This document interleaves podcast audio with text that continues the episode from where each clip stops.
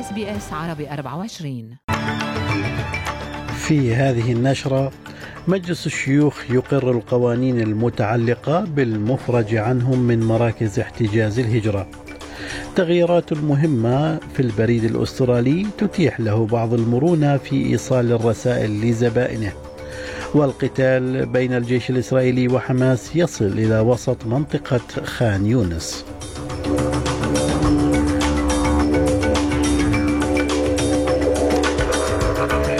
سليم الفهد يحييكم وعليكم التفاصيل.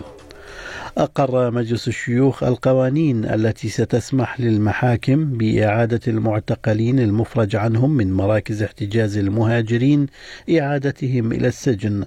وتم التعجيل بإقرار قانون الطوارئ بعد أن وجهت تهم جديدة لثلاثة معتقلين أطلق سراحهم بعد قرار المحكمة العليا بأن الاحتجاز لأجل غير مسمى غير قانوني. ويواجه رجل أفغاني تهمتين بالاعتداء غير اللائق بينما تم القبض على مرتكب جريمة جنسية مسجل في فيكتوريا لخرقه شروط التأشيرة. وبموجب التغييرات سيكون وزير الهجرة قادرا على التقدم بطلب للحصول على أمر سلامة للمجتمع لاحتجاز أو الإشراف على البالغين المفرج عنهم نتيجة لحكم المحكمة العليا. هذا وقال الوزير ماري وات أن التشريع الجديد يشتمل أيضا على ضمانات We are modelling um, this uh, regime on the existing high risk terrorist offenders regime. Um, so we have some confidence in its uh, ability to work, given it's being based on a regime that already exists. One of the amendments that we've tabled requires the immigration minister to deliver an annual report about the operation of this regime. So that is intended to give a level of transparency going forward. رحب الرئيس التنفيذي للبريد الأسترالي بإعلان الحكومة الفيدرالية تحديث أعمال المؤسسة الممولة ذاتيا والمملوكة للقطاع العام بما في ذلك إنهاء شرط تسليم الرسائل ضمن مدة أقصاها خمسة أيام وقال الرئيس التنفيذي للبريد الأسترالي بول غراهام إن السماح للشركة بتسليم الرسائل بشكل أقل تكرارا أي كل يومين أو نحو ذلك سيسمح لها بالحصول على المرونة في أخذ التكلفة الحقيقية لتسليم البريد في الاعتبار مما يساعد على الحفاظ على استدامة البريد الأسترالي ماليا بعد عام 2026 أكد الجيش الإسرائيلي الثلاثاء أنه يخوض اشتباكات في قلب منطقة خان يونس وذلك بعد إعلانه توسيع عملياته البرية إثر فشل المفاوضات الخاصة بتمديد الهدنة بين إسرائيل وحماس والتي استمرت لسبعة أيام. هذا وأعلن الجيش الإسرائيلي أيضا ارتفاع حصيلة الجنود القتلى إلى 82 منذ بدء العملية البرية في قطاع غزة من بينهم سبعة جنود قتلوا منذ الاثنين. وقال متحدث باسم الجيش الإسرائيلي أن المرحلة الثالثة من الحرب في غزة قد بدأت الآن אנחנו מכניסים את הכוחות הקרקעיים שלנו לתוך הלחימה.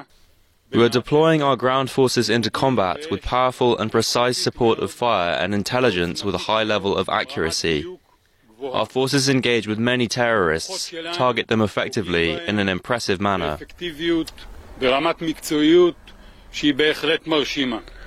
وعلى الجانب الآخر أعلن المكتب الإعلامي لحكومة حماس مقتل 16248 شخصا في قطاع غزة منذ اندلاع الحرب بين إسرائيل وحركة حماس. وجاء في بيان المكتب الإعلامي أن أكثر من 7000 طفل ونحو 5000 امرأة قتلوا في غزة خلال شهرين من المعارك. من جانب آخر يقول مراسل SBS عربي 24 في القاهرة. وحذرت من عواقب التهجير القسري للفلسطينيين خارج أرضهم وهكذا فإن قضية التهجير ما زالت قائمة رغم التشدد المصري تجاهها وربما تجد القاهرة نفسها مدفوعة بشكل يكاد يكون يوميا للتحذير من اقتراحات وتسريبات تتضمن الحديث عن تهجير مئات الآلاف من القطاع إلى مصر. كان هذا مراسل SBS عربي 24 في القاهرة محمد الشاذلي والذي تحدث عن أن الخارجية المصرية حذرت من جديد من مغبة الحديث عن تهجير الفلسطينيين من غزة إلى مصر. أعربت الأمينة العامة للكومنولث باتريشيا سكوتلاندا عن تفاؤلها بأن الدول الأكثر ثراء ستدعم صندوق الخسائر والأضرار المناخية المبادرة الجديدة تم الإعلان عنها خلال مؤتمر المناخ كوب 28 المنعقد حاليا في دبي bigger countries who have been the greater emitters. I mean, 80% of the greenhouse gases were created by the um, G20. So we know that those who have helped to create it must now help to solve it. قال وزير الخزانة الفيدرالي جيم تشالمرز إن متاجر التجزئة ستحتاج إلى إثبات أنها تعامل زبائنها بشكل عادل أثناء استعدادها لمواجهة تحقيق في مجلس الشيوخ حول التلاعب بالأسعار. وأضاف تشالمرز أن التحقيق الذي بدأه حزب الخضر يحظى بالدعم الكامل من الحكومة الفيدرالية. The supermarkets have got a really important role to play here, and we want to make sure that they're doing the right thing by their customers. Uh, we support the parliamentary inquiry. Uh, we're in favour of more transparency. Uh, if the supermarkets uh, have nothing to hide when it comes to their pricing, then they can explain that to the parliament. That's appropriate.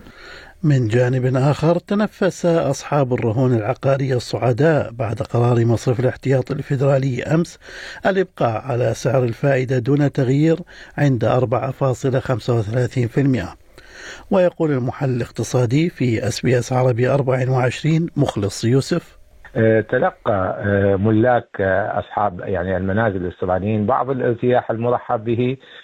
قبل أعياد الميلاد بفضل قرار البنك الاحتياطي الأسترالي بوعدهم بعدم فرض المزيد من الألم على الرهون العقارية وخصوصا هذا جاء بعد يوم أمس الثلاثاء حيث اختار البنك المركزي أو البنك الاحتياطي الأسترالي تعليق أسعار الفائدة في اجتماعه الأخير لعام 2023 في ظل علامات تباطؤ التضخم.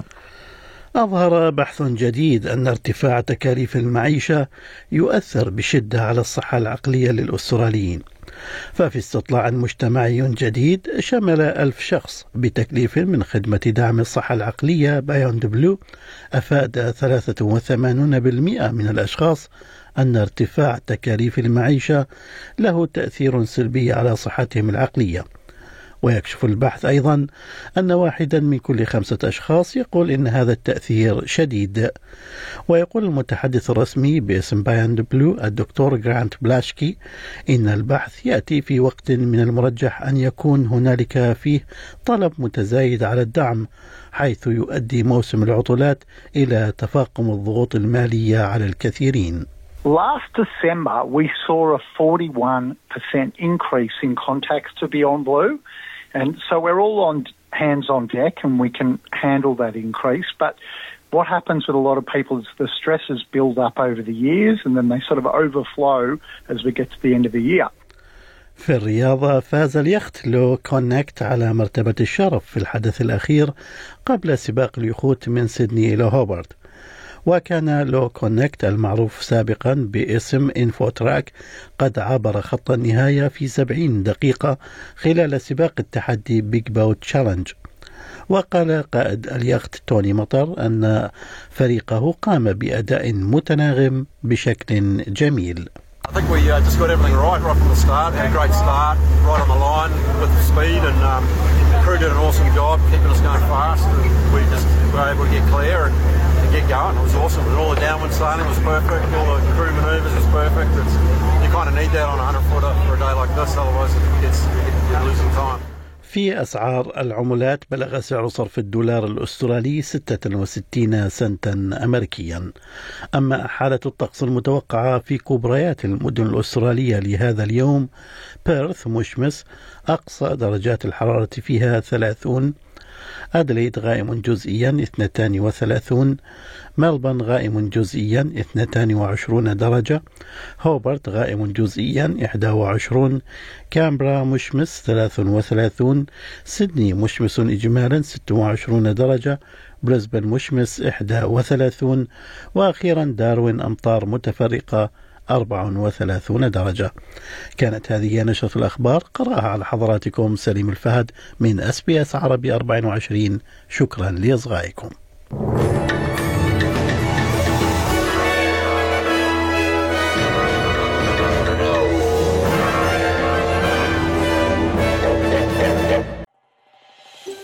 هل تريدون الاستماع إلى المزيد من هذه القصص؟ استمعوا من خلال Apple Podcast، Google Podcast، Spotify أو من أينما تحصلون على البودكاست.